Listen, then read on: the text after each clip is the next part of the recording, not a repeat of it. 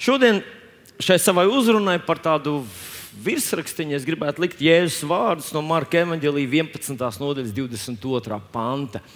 Marka 11, 22, kur Jēzus saka tādus vārdus. Ticiet Dievam! Ticiet Dievam, viņš saka. Tur iepriekš mācekļi, mācekļi sacīja par, um, par to vīģes koku un tā tālāk. Un tad Jēzus saka, ticiet Dievam. Tur vēl bija kāds teksts, ko viņš turpināja, bet šodien apstāsimies pie tā. Ticiet Dievam, uzticieties Dievam.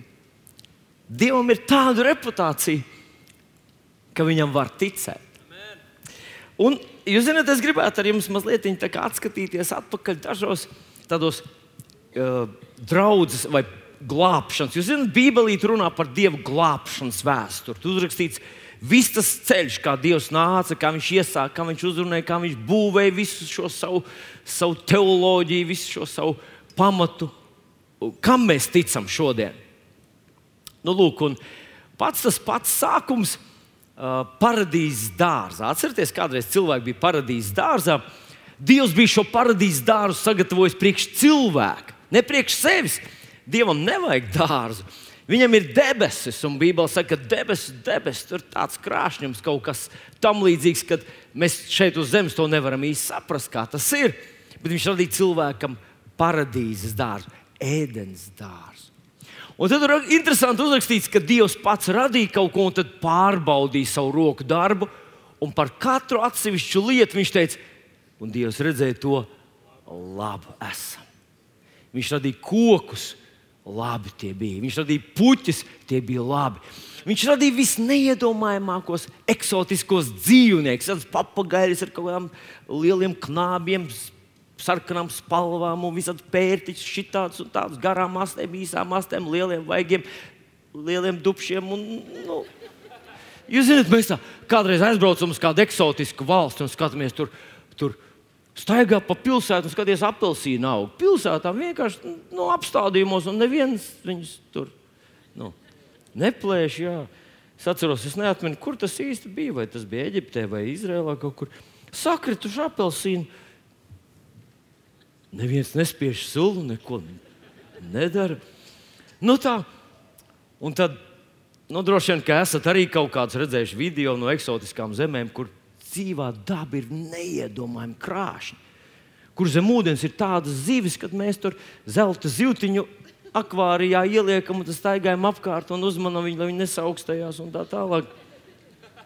Nu, tur tā ir nu, ikdiena. Katrā dīķī tādas ir zelta zīltiņas. Tāds bija apmēram ēdienas dārzs. Un iedomājieties, tur tajā ēdienas dārzā vēlns viņam izdevās panākt, lai cilvēks neusticās Dievam. It kā no vienas puses visas sajūtas, un mēs sakām, mēs gribam sajust. Toms teica, ja es varu ielikt savu pirkstu tavās rētās, tad es ticēšu, un savu roku likt tavos sānos. Tad, nu tā, tā, tā cilvēciskā ticība ir tāda, ja es varu pielikt pirkstu, es patiešām ticu. Baigā ticība. Ne? Jā, ja es to varu pārbaudīt, tad es ticu. Bet padomājiet, mīļie draugi, starp kādu, kurš ir absolūts transcendents. Tas nozīmē, neierobežots nekādā jomā, ne laikā, ne vietā, ne zināšanās, ne iespējās. Starp kādu, kurš var visu, un kādu, kurš ir ļoti ierobežots. Vienīgās attiecības, kas tur var valdīt, tādas harmoniskas, ir vai nu bailes, vai ticība uzticēties tam, kurš var visu, kurš var tevi apspēlēt divos gājienos. Es nezinu, vai es kādreiz spēlēju šāhu ar lielmeistaru. Un tu plāno vismaz kādus dažus gājienus uz priekšu, un uzreiz nezaudēsi. Viņa klink, klink, trijos gājienos, šachs un mats. Un tu pat nepaspēji savus bandiniekus drusciņi, nu, kā, lai izskatās, ka tu spēlējies. Un Dievs salīdzinot ar cilvēku ir tieši tā. Visas mūsu maņas teica, ka te ir droši, skaisti, ka esam nodrošināti, ka te ir labi, ka tā būs ilgi. Un vēlams manipulē ar cilvēku brīvo gribu, gluži kā ātrā kredīta devēja šodien. nu, katrā reklāmā, kur nepaskatītos, paņem kredītu, tad viss būs labi. Un cilvēki ņem. Mēs kādreiz šausminamies, kurš tad ņem? Saka, ka ņemot daudz. Vecais triks, ko vēlams izspēlē jau toreiz un spēlē arī tagad. Paradīzes dārzā, dārzā cilvēkam vajadzēja ticēt Dievam ar visu to, ka viņš redzēja, visas viņa maņas teica, ka Dievs ir labs. Bet tad es atskatījos uz vēl kādu ļoti tādu spilgtu pagriezienu punktu glābšanas vēsturē. Tā ir, kad Dievs izved savu tautu ārā no verdzības Eģiptē. Ārā no verdzības Eģiptē. Jūs atceraties, kā tas bija? 400 gadus Dieva tauta Izraels bija vergi Eģiptē. Un viņi bija nodzimt, nodzīti savas verdzības zemākajā punktā. Un tad Dievs sūtīja vienu vīru, lai viņš izved savu tautu ārā no Eģiptes zemes. Un faraons, kurš teica, mums ir apmēram 3 miljoni, viņi ir tik daudz, viņi ir mūsu darba spēks. Visa mūsu ekonomika balstās uz vergu darbu. Un kad Mozus teica, ļauj viņiem aiziet prom, lai viņi varētu kalpot Dievam tūkstnesī, tad faraons teica, nē, Tas būtu pašnāvība, tā būtu mūsu valsts pašnāvība, atdot tādu darba resursu, vienkārši palaist viņus brīvībā. Nē, ne par kādu naudu. Un tad sākās šīs dieva konfrontācija ar Eģiptes faraonu. Ja jūs atceraties, kā viņi sākās, sākās pavisam vienkārši, kad atnāca Mozus un viņš nomet to savu zizli zemē, atcerieties, un viņš pārvērtās par ko? Par čūsku. Un es pie sevis esmu daudzreiz domājis, kādēļ Dievs darīja tieši tā, ka Viņš sūtīja mūzu, savu lielo pravietu, sūtīja pie faraona ar zīzli, un viņam vajadzēja nomest to zemē, un tas pārvērtās par čūsku. Ja Dievs taču zināja, mūzis varbūt to vēl nezināja, bet Dievs to zināja, ka tur ir pilns ar burviem, kur dara tieši to pašu lietu. Un tad, kad viņš nomet šo zīli zemē, tas pārvērtās par čūsku. Faraons pasauca savus burvis, tie atnāca, nomet visus savus zīļus. Nu, bija čūsku, kā biestur. Kāpēc Dievs uzreiz kaut ko tādu nemet, kādu nelielu atombumbu vai, vai, vai, vai kaut kādu, nu, nu es nezinu, nu, nu kaut kādu kaut trokšņa granātu vismaz, vai kaut ko tamlīdzīgu, gāzi, palaid asargāzi, nu, nu, kaut ko tādu, kas viņiem nebija. Bet es saprotu, kāpēc viņš to darīja. Tagad es saprotu. Bībelē vairākās vietās ir uzrakstīts, ka jo vairāk tev ir dots, jo lielāka ir tava atbildība. Tajās pilsētās, kur Jēzus bija darījis visvairāk brīnumu un zīmju, kur viņš bija sludinājis, kur cilvēki zināja patiesību, viņš tām pilsētām saka, vai tev horocina, vai tev betsaida. Un tad viņš saka, ja tur, tajās citās pilsētās būtu notikuši tādi brīnumi, viņi sen būtu atgriezušies. Drusku citiem vārdiem sakot, ir cilvēki, kuri dzirdējuši evanģēlīju vienreiz, divreiz, trīsreiz, četrreiz. Viņi ir redzējuši pat kaut kādas tādas, tā kā tādas zīmes un nav atgriezušies pie Dieva. Viņam it kā vēl aizvien nepietiek. Bet, ja kāds cits būtu dzirdējis pusi no tā, ko ir dzirdējuši viņi, viņš sen būtu atgriezies, sen būtu kalpot Dievam no visas spēka, jo viņš saprata, ka tas taču ir Dievs. Viņš iesāka ar čūsku, burvi met čūskas. Viņš izsauca vārdus no Nīlas, burvi to izdarīja. Un tad vēl bija astoņas, dažādas, deviņas dažādas mocības, kur Dievs uzrunāja. Jau pie trešās burvi teica faraonam, faraona paša burvi teica faraonam, tas ir Dievs, tas ir Dievs, tas ir Dievs. Bet jūs zināt, faraons bija lielisks piemērs tam, ka neticēt. Tas ir nevis spējas ticēt trūkums, bet tas ir lēmums. Es neticēšu. Ma, es neticu. Tas ir cilvēka lēmums, ir neticēt. Iebiks tam, kurš sēž tev blakus, tad jūs zināt, ka neticēt tas ir lēmums. Mīļie draugi, visi, kas ir dzirdējuši evaņģēlīju, vai nu būs debesīs, vai cilvēki, kas būs izlēmuši tam neticēt, viņi nebūs debesīs. Tā ir patiesība, viņi nav priecīgi, bet tādi viņi ir kam daudz dots, no tā jau vairāk atprasīs. Kāpēc tad Dievs nesūta vēl kādas stiprākas zīmes? Kāpēc Viņš neliek eņģeļus tev stāvēt tavā ceļā, kad tu vakarā dodies uz mājās, un eņģelis stāv ar degošu ērkšķu krūmu savā rokā, un otrā rokā viņam zizlis, kurš pārvērties par čūsku tagad, un viņš te uzrunā atkal. Kāpēc viņš to nedara? Viņš vienkārši negrib tevi vēl vainīgāku padarīt. Viņš ir uzrunājis tevi, uzrunājis tevi, uzrunājis tevi. Tu izlēmi neticēt. Un Dievs apstājās tevi uzrunāt. Jo Viņš saka, kam vairāk dots, kam daudz dots no tā, jo vairāk atprasīs. Bet tas, uz ko es gribēju vērst jūsu uzmanību, paklausieties. Tas Eģiptes desmit mocības Visa nīla pārvērtās par asinīm. Vārdas piepildīja visu Eģiptu, faraona guļamistabu. Faraons gulta, faraons no rīta ēd brokastīs maizi, nogriež šķēli un tur vārdas izcepusies. Tas vārds bija visur. Viņš gribēja iedzert kafiju un samaisīt, kas tur tāds muļkājās. Vārdas, vārdas visur, pirtī vārdas, saunā vārdas, basēnā vārdas. Viņa bērnu pirmzimtā bērnu šūpulīti, vārdas. Viņš bija tā noguris no vārdiem, ka viņš teica, lūdziet Dievu, lai Dievs aizvāc tās vārdas. Es ar tām vairs neko nevaru izdarīt. Kukaiņu, odi, lopsēra, augoņi, krusta, krusta tāda, kas nogalināja visus lopus, kas bija atstāti uz ielas brīvā dabā. Cilvēki, siseņi, tums un beig beigās nāve. Dievs savu roku, kā viņš teica, smagi parādīja Eģiptē faraonam. Es tev piespiedīšu atlaist manus ļaudis, manu tautu, kas ir mans īpašums, kas man ir dārgi. Bet zinot, uz ko es gribu vērst jūsu uzmanību? Ka Izraels, kas tajā laikā dzīvoja kādā zemē, Gošanas zemē. Un interesanti, ka tur rakstīts, ka Gošanas zemē nekas no šīm lietām nebija. Nebija ne vārdas, nebija ne asins, ūdens nepārvērtās par asinīm, nebija ne, ne ode, ne kukaiņa, ne krusta, ne augoņa, ne tumsa. Nekas no tā nebija. Un tagad skatieties, Mozus ik pa laikam atnāca pie savas tautas un stāsta viņam, kādus lielus brīnumus Dievs priekš viņiem dara, lai viņus izglābtu. Un izrēlieši blisa, nācis viens uz otru, skatās. Tu kaut ko redzēji? Nē esot ūdens par asinīm pārvērties. Muļķības.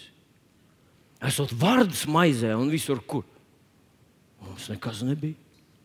Esot, esot augoņi visiem piemetušies. Nu, tādās delikātās, tur burtiski uzrakstīts, tādās delikātās vietās bija augoņi. Tiem burviem arī tie nevarēja vairs nostāties. Nu, mums nekas nav. Viņiem vajadzēja uzticēties, ka Dievs to, ko saka, arī patiešām ir izdarījis. Saprotat? Caur visai vēsturei, caur visai Dieva darbam ar cilvēkiem. Vienīgā reize, kad viņi varēja pielikt pirkstu, bija, kad Jēzus atnāca un tur tas neticīgais apustulis Toms, kur viņš iepriekš bija teicis, es, es ziniet, esmu no 21. gadsimta. Ja es nevaru ielikt savu roku viņa sānos, es neticēšu. Un tad, ja es saku, nu ieliec savu roku, vai tev tagad palīdz, ir vieglāk ticēt? Un viņam tas nepalīdzēja. Ticēt vēl aizvien ir lēmums. Ticēt. Un šiem gošanē dzīvojušiem izrēliešiem viņiem vajadzēja uzticēties, ka to, ko Mozus saka, Dievs priekš viņiem ir izdarījis, ka patiešām ir izdarījis. Un tad viņi drosmīgāk gāja ārā. Dievs karo par mums. Tad viņi drosmīgi griezās pie saviem uh, eģiptiešu bijušiem īpašniekiem un vergturiem un izspiedējiem. Teica, iedodiet mums drēbes, iedodiet mums kaut kādas zelta lietas, mums vajadzēs tur, kad mēs kalposim Dievam. un tie deva. Viņi samaksāja algu par 400 kalpošanas gadiem. Viņi bagātībā atmaksāja Izraēlas tautai. Viņa parādā nepalika. Bet tur vajadzēja uzticēties tam, ka to, ko Mozus saka, ko izrēlieši paši neredzēja, ka Dievs tiešām priekš viņiem to ir izdarījis. Un nu mēs nonākam pie tā mūsdienu, nu, tā lielā piedzīvojuma. Kristus, glābjošais upuris. Kristus priekš mums to ir izdarījis. Viņš mūsu vietā nomira pie krusta Golgātā. Un zinot ko? Mēs nevaram to īsti pārbaudīt. Mums atkal ir tam jāuzticas. Jāuzticas. Nu, paklausieties, kā, kā apelsīns Jēzai to raksta 53. nodaļā, no 1. panta.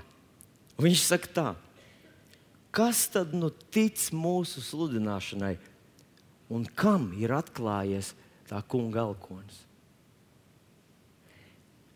Viņš cenšas pateikt tajā viņa valodā, specifiskajā valodā, ka tas ir kaut kas tāds, ko ir grūti noticēt. Tas ir līdzīgi kā tiem tiem Gošanas zemē dzīvojušiem ebrejiem, kad viņiem stāstīja, ka visa Eģipte bija pilna ar vārdiem. Faraons guļam istabā vārdas, visur, kur pagriezies vārdas. Viņiem tas bija. Hei, Paga, viņam taču tur ir vesels štats ar apkopējiem. Kā tas var būt? Kad viņš stāstīja par, par, par um, mušām, par indīgām, indīgiem kukaiņiem, kas tur Eģiptē ir Eh, par tumsu, kas visā Eģiptē bija tāda tumsa, ka to nevarēja izkliedēt ar, ar lāpām, ar uguni. Vienkārši tas bija kaut kas tāds, ka neviens, kā tur ir rakstīts, neviens nevarēja, neska, nevarēja saskatīt savu roku deguna galā. Kaut kas tāds nenormāli, pārdabīgi. Tums bija Eģiptes zemē. Un tiem izrēliešiem nācās to vienkārši uzticēties, ka tas tiešām tā ir. Mums ir vieglāk, jo zinātnieki ir eh, vēsturnieki, atsaucas kaut kādas ēnas no tā notikuma apraksta. Viņi atrod atkal un atkal vien vairāk. Bet šeit iesai saka, kas spēj tam noticēt un kas vispār saprata, ko Dievs te izdarīja ar Jēzu Kristu. Kurš to vispār spēj saprast? Cik mēros mērvienībās neizmērojams ir viņa glābjošais upuris. Cik tas, ko viņš izdarīja, cik tas ir ies, bagātīgi priekš visiem cilvēkiem. Katram cilvēkam, skeptiķim, un, un tam, kurš tic, un tam, kurš ir ļoti izglītots, un domā, ka nu, viņš visu saprot, un tam, kurš nav tik izglītots, viņam viegli ticēt, viņš paļaujas uz to kungu un bauda Dieva žēlstību. Priekš visiem tas ir dots. Arī kā viņš raksta, Viņš tā kunga kalps uzauga neticīgā pūļa priekšā, kā atvasa, kā saknes atzarojums izkautušā zemē. Viņā nebija nekāda izskata, ne arī kāda skaistuma, lai mēs to ar lapatiku uzlūkot. Tur nebija arī nekā ārēji redzama, lai mēs viņā būtu atraduši ko patīkamu. Man ir bijis daudz par to jādomā. Kāpēc? Jēzus, kurš varēja atnākt kā Apollons, ar Herakla spēku, ar, ar, ar skaists kā dievs. Kāpēc viņš nevarēja atnākt uz satriekto pasauli, visus tos nožēlojamos, netalantīgos cilvēkus ar savu talantu, ar savas izteiksmes un runas krāsām? Kāpēc viņš nebija Jānis Zelta mute? Kāpēc viņš nebija kāds, kurš varēja lasīt cilvēku domas un, un, un šokēt viņus tur, kur viņi ir? Kāpēc viņš atnāca kā tāda pelēcīga viduvējība. Tāpēc, ka viņš paņēma tavu dzīvi. Viņam vajadzēja paņemt to, ar ko mēs ar tevi saskaramies ikdienā. Viņš to paņēma sev. Jo viņam vajadzēja ticēt, lai cilvēki uzticas viņam. Nevis iedzīt viņus bailēs vai, vai kompleksos, uh, vai kā savādāk. Šodien viņam vajag, lai tu viņam uzticies. Es palasīšu tālāk. Taisn otrādi viņš bija nicināts, labākie ļaudis no viņa vairījās. Vīrs, kam nebija svešas sāpes, kas bija norūdīts ciešanās, tāds, kur priekšā aizklāja vaigu, tā nicināts, ka mēs viņu ne par ko neturējām. Taču viņš nesa mūsu sērgas un mūsu ciešanas. Un mūsu sāpes viņš bija uzkrājis sev, kur pretī mēs viņu uzskatījām par sodītu, dievu satriektu un nomocītu. viņš bija ievainots tavu pārkāpumu dēļ un tavu grēku dēļ satriekts. Tavs sots bija uzlikts viņam, tev par atpestīšanu. Ar viņu brūcēm tu esi dziedināts. Es izlasīšu vēlreiz pēdējo pantu. Viņš bija vainots tavu pārkāpumu dēļ, tavu grēku dēļ satriekts. Tavs sots, viss sots, ko tu un es bijām nopelnījuši, ir uzlikts viņam. Tev par atpestīšanu, ar viņu brūcēm, tu esi dziedināts. Un gluži kā toreiz tiem gošanai dzīvojušiem izrēliešiem, vajadzēja uzticēties mūsu vārdiem, ka Dievs ir izdarījis fenomenālu cīņu, izcīnījis ar Eģipti, lai jūs būtu brīvi. Lai jūs varētu atgūt šo savu brīvu cilvēku statusu, un lai viņš jums samaksātu par visiem 400 vergošanas gadiem, ejiet un prasiet savu algu. Tieši tāpat šodien tev un man ir šīs jānotic tam, ko viņš priekš tevis ir izdarījis. Lai tu varētu saņemt šo savu dziedināšanu, savu brīvību, lai tu varētu atbrīvoties no lāsta, par kur mēs jau dzirdējām, līgi pieminēja sākumā, un lai tu varētu paļauties uz Dieva mīlestību un palīdzību tev savā situācijā, gluži kā Jānis un Kristīna stāstīja par to savas dzīves zemāko brīdi, kad tas nebija Dievs, kas tev iemin pīšļos, bet Viņš ir tas, kurš tev no tiem dubļainām dūņām pacels augšā. Ja tu viņam uzticēsies,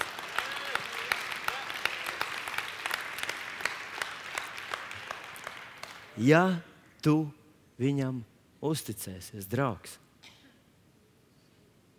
Varbūt kāds grib pajautāt man, nu kas man jāizdara, lai es to visu saņemtu? Tas ir mazliet sarežģītāk, tas prasa drusku vairāk laika lai to izskaidrotu. Bet vienā vārdā tev jākļūst par viņu mācekli. Ļoti vienkārši. Tad viņš jāpieņem par savu kungu. Viņš ienāks tavā dzīvē. viņš izmainīs visu tavā dzīvē. Visu! ja? man, man patīk, man dzīve, man patīk. Es domāju, ja Jēzus nav tavs kungs, ir ļoti daudz lietas tavā dzīvē, kuras tev riebjās, kas tev biedē, no kurām tu gribētu aizmukt un, iz, un tikt vaļā. Un viņš to var izmainīt. Jā. Viņš atņems lāstu. Pirmā lieta, ko viņš atņems lāstu. Galotiešiem 3.13. Kristus mūsu vietā ir kļuvis par lāstu lai mēs viņā kļūtu divi. Ne, tas bija uh, galotieši, es sajaucu divas rakstvietiņas, bet, bet tā doma tur ir pavisam konkrēta, ka viņš paņēma lāstu, lai tu dabūtu svētību. Jēzus vārdā. Un tā pēdējā doma, ar ko es šodien arī gribu nobeigt, viņa uzrakstīta Jāņa Evanģelē 14. nodaļā, no, no 1 līdz 3 pantam, un tur rakstīta tāda vārda. To Mēs jau šodien dzirdējām. Jūsu sirdis, lai neizbīstas. Jaunajā tulkojumā neiztrūkstas. Vai ir iespējams cilvēkam, kurš savā dzīvē piedzīvo tādu nu, kardinālu, tādu fatālu uzbrukumu, fatālu nelaimi, viņi piemeklē šādu vai tādu? Vai ir iespējams tādam cilvēkam, lai viņa sirds neiztrūktos, lai viņa neizbītos? Vai ir iespējams tas? Ziniet, ja tas nebūtu iespējams, tad Jēzus šos vārdus šeit būtu uzrakstījis vienkārši nu, nu, nu, nu tā. Kā, kā kādreiz partijā rakstīja visus šādus sacerējumus. Nu, vienkārši tā. Tāpēc, ka tā jābūt uzrakstītam. Bet, ja tu uzticies Kristum, ja tu uzticies Kristum, ja tu uzticies Kristum Jēzum par to, ko Viņš priekš tevis ir izdarījis, ja tu uzticies viņam, tā nav tikai tāda svētdienas, kaut kāda īpašo svētku diena, kaut kāda tāda, nu, tāda trešā šķirs, viena no tavām domiņām, kas tev, nu, tā, tu paņem viņus kaut kad, uh, piemini, kam tu vēl tici, ka, ka, ka nezinu, nu, kaut kāds tāds nostalģisks ticības. Bet, ja viņš ir reāli, tu viņam uzticies kā īstam dievam un glābējam. Bet tu vari nonākt tajā vietā, kur lai ar kas ar tevi notiktos, tu neizbīsties. Tas nenozīmē, ka nav vēlēšanās izbīties. nav kārdinājuma izbīties. Nav kārdinājums skumt un žēloties un šausmināties tā, kā to dara visi cilvēki. Kāpēc es, kāpēc man? A, kur Dievs ir? Tu vari neizbīties. Un tu vari ticēt Dievam un ticēt Viņam. Un tad otrais pāns saka, mana tēva namā ir daudz mājokļu. Zini, par ko viņš runā? Par nākotni. Viņš runā par dažam tā ir tuvāk, dažam tālāk, bet tava nākotne ir, ir māja vietā, kas nav cilvēku veidot, kur nebūs cilvēku valdība, tur nebūs nu, mūsu ārlietu ministrs, kurš mums šodien ir. Es īsti neatceros, kā viņu sauc, bet tur nebūs tas prezidents, kas mums ir mums izcils prezidents. Uh, ir, mums ir premjerministrs, mums ir mūsu simts gudrās galvas. Iedomājieties, ka tu kā vienu dienu dzīvo zemē, kuru nepārvaldīs simts gudrās galvas, bet Dievs tas kungs. Un viņš ir teicis, un viņš ir teicis ka es aiziešu sagatavot tev mājas vietu. Tev nebūs jābaidās no ierēģiem, tev nebūs jāuztraucās par visām korupcijas schēmām. Es gribētu teikt, ka mūsu īstā dzīve vēl ir tikai priekšā. Mēs šeit, šeit esam misijas laukā. Šeit mēs samierinamies ar daudz ko. Mēs zinām, ka šeit mums ir jāspīd, mums ir jāiznes cilvēkiem evanģēlijas. Un šodien un šeit mēs neiztrūkstamies un neizbīstamies. Mēs ticam Dievam un ticam Jēzum Kristum. Jēzus 20. 6, 3. Paklausies, kā iesies saka. Kam stipra ticība, tam tu dod mieru. Angliskais teksts saka, eh, manuprāt, skaidrāk. To tu glabā pilnīgā mierā, kura prāts turās pie tevis, kura domas turās pie tevis. To cilvēku, kurš visās savās situācijās, izaicinājumos, iespējās un arī grūtībās bez visiem tiem redzamajiem faktoriem, ierēķina arī debesu un zemes radītāju. Dievu, kurš var visu, zina visu, kurš no sākuma jau izplānoja visu līdz pašām beigām. Kurš ierēķina tur visur arī Dievu, tas dzīvo perfektā mierā. Izrādās uz viena kuģa, kurš slīkst, ja tur ir normāls kristietis arī. Ir cilvēki, kas ir izmisumā, un ir cilvēks, kurš atrodas tur pilnīgā mierā. Es esmu dzirdējis vairākas tādas liecības no cilvēkiem. Viens bija Kārls Gustavs. Reiz stāstīja, kā viņš no Krievijas lidojis uz, ar kādu nelielu lidmašīnu. Un tad, tad, tad viņš teica, tur bija nu, konkrēta e, katastrofāla situācija. Viņš, mēs skatījāmies pa, pa iluminatoru, redzējām, ka e, dzinējs dūmo. Konkrēti viens dzinējs sāka konkrēti dūmot. Un tad viņš saka,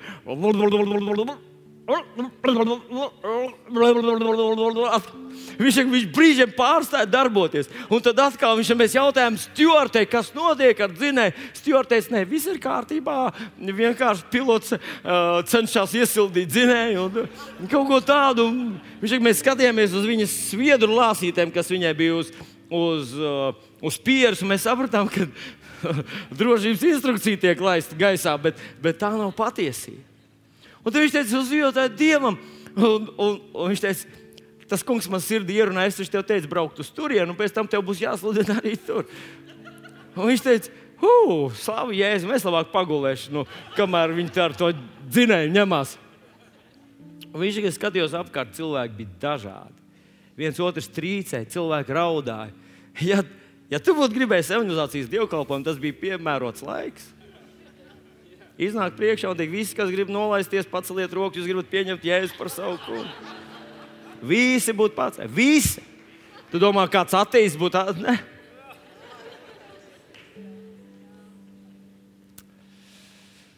Ateists parādās tikai tad, kad ir pilns vēders un klāts galds. Jā. Tad, kad stobrs pie pakauša, neviens nesaka, ziniet, ko man nevajag lūgt, es esmu ateists.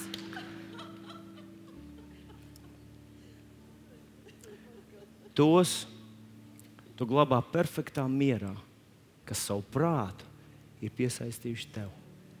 Šodien mēs svinam uzvaru, kas ir dāvināta katram, kas viņam tic. Bībelē saka, ka tie, kas tic Jēzum kā savam kungam un glābējam, jau ir augšām cēlušies līdz ar viņu. Vai tu zināji, ka tas, kurš tic Jēzum Kristum kā savam glābējam, nevis ir ļoti labs cilvēks, nevis perfekti māki izdarīt visas labās lietiņas, kas mūsu sabiedrībā šobrīd tiek ļoti novērtēts. Tur paņemt kādu kaķi no dzīvnieku patvērsmes vai, vai, vai, vai nenozāģēt kādu koku, vai, vai glābt kādu krūmu, nu, nu, vai šķirot savus atkritumus. Nu, es, es piekrītu, ka to vajag darīt, bet, mīļie draugi, tas nevienu nevar izglābt.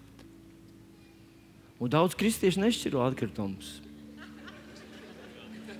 Un neņem kaķus no patversmēm, jo viņi saka, ka nu, mums, mums nav peļu. Nu, ko mēs darīsim ar kaķi? Bet viņi uzticās, ka tos viņu cilvēciskos trūkumus kompensēs kāds, kurš tāpēc ir atnācis Tāpēc ir paņēmis visus mūsu sērgus, visas mūsu ciešanas, visus mūsu grēkus, nogalinājis to visu pie krusta Golgātā un dāvinājis taisnību katram, kas uz viņu tic. Halleluja! Jēzus vārdā. Vai tas nav brīnišķīgi? Halleluja! Es eju uz debesīm. Jā, varbūt kāds saka, es eju uz zeli, tu nejūti man līdzi. Nu, es īsti tev jūt, nejūtu līdzi. Man ir žēl tevis, bet es nejūtu tev līdzi. Jo tu arī varētu iet uz debesīm. Ja vien tu pieņemtu Jēzu Kristu par savu kungu un glābi, izlemtu viņam ticēt. Nu, lūk, draugi, tas ir tas, ko es gribēju uzrunāt jūs šodien šajā augšām celšanās svētku rītā. Ja kāds mūsu vidū šorīt ir šeit, kurš vēl nevar teikt, ka Jēzus Kristus ir tavs kungs, bet tu gribētu, Tu gribētu šodien dzirdēt evanģēlīju vēstu, ka Dievs tevi mīl un grib tevi izglābt, un ir to izdarījis. Jau tev tikai tas jāpieņem.